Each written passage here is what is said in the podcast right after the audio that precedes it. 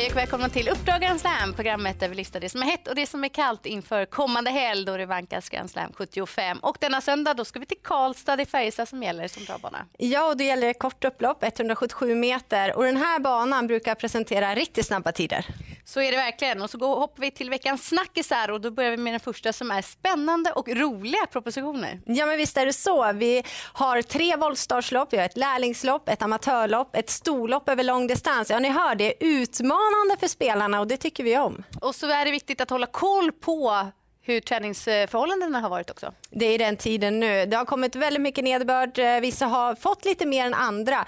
Så det kan betyda att några tränare har haft problem med just träningsförhållanden. Viktigt att hålla koll på. Och den sista rubriken lyder gott om norska gäster. Ja, vi har nära till vårt grannland och de vill återigen, återigen komma på besök. Tio stycken norska hästar har vi på söndag.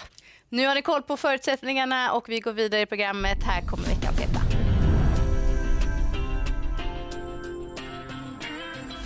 I den andra avdelningen hittar vi en av mina flagghästar. Jag måste bara prata om 11 Gyllengutten Stöen som var väldigt intressant senast då han debuterade för Jörgen Westholm. Det blev då dubbla galopper men eh, både mellan och efter galopperna så visade han jättefin fart. Den här gången då behåller man skorna på vilket man får anse som positivt och håller han sig bara i rätt gångart då har han fart för att segerstrida.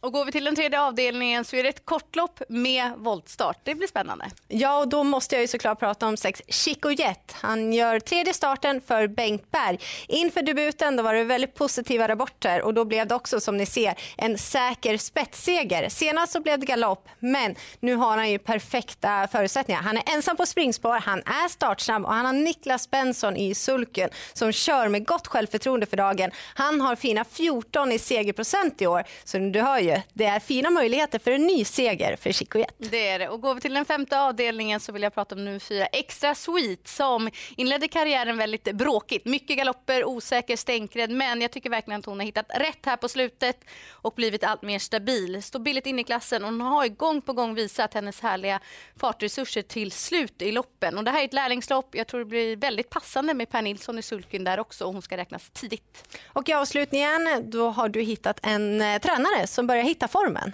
Ja, så är det. Jörgen S Eriksson, för han har haft lite sjukdomar i stallet en period, men nu levererar de återigen väldigt starkt och han managerar nummer fem Diamond Sox i avslutningen och det är verkligen bästa hästen i loppet. De står perfekt inne, sett i kapacitet också. Obesegrad från ledningen, men har ju också gång på gång visat att hon tål att göra en hedeljobb på egen hand. Och veckans profil, ja, han tränar en häst, men framförallt kör han några intressanta. Ja, det gör han verkligen. Det ser ut att bli en mycket spännande söndag för Kim Eriksson. Så här säger han själv.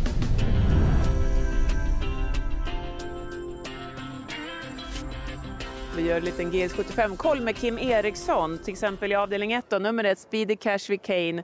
Hur är formen där med tanke på att det var ett tag sedan? Ja, det är lurigt. Han eh, har varit lite seg när han har gjort såna här små comebacker förut då. men eh, vi körde ett ordentligt banjobb här för någon vecka sedan och han löste det jättebra i alla fall.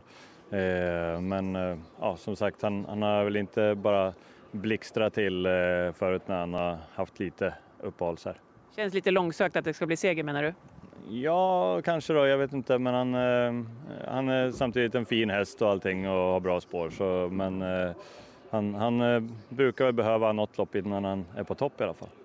Bose då, lite uppåt mer där kanske, avdelning 4 nummer 7 som du vann med senast. Det var ju ett tag sedan du träffade Bose senast före det. Ja, det var väldigt kul att, att snacka med honom nu för att han, det är en av mina favorithästar jag har kört och han, han äh, det är en jäkla profil till häst liksom. Han har mycket egenheter och, och dessutom jäkligt bra. Så att, nej, jag, jag, tycker mycket om han och det var väldigt kul att han var så fin dessutom nu sist då. Inte bara att få köra han och vinna utan han, han kändes väldigt bra också.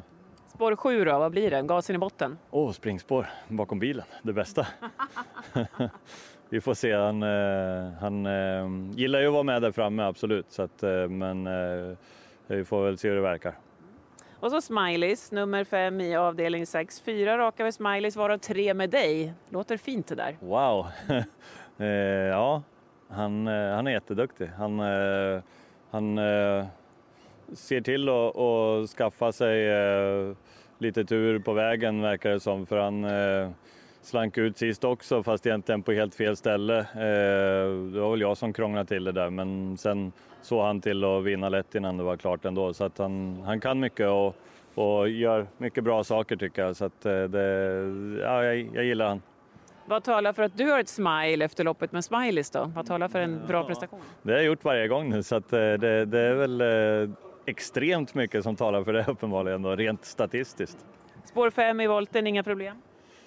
Han eh, är säkert inte gynnad av spår 5 men utan att jinxa någonting så har han i alla fall klafsat iväg från alla möjliga spår så att eh, det är väl inte det man hade önskat men jag hoppas väl att det ska gå vägen. Bose och Smileys, det är de vi, vi tar med? Ja, ni tar med vilka ni vill men jag gillar ju alla tre som jag ska köra. Kim Eriksson vill i vanlig ordning då inte bedöma chanserna, men det vill vi göra. Det vill vi göra. Vi tycker att sju Bosse i den fjärde avdelningen är hans bästa chans. Man ser bara hur det lyser i ögonen på Kim Eriksson när han pratar om den här hästen. Och jag blev också bara varm inombords. Jag såg honom på upploppet senast. Gamla Bosse, han vinner det här. Det gör han. Då går vi vidare i programmet för här kommer veckans galla.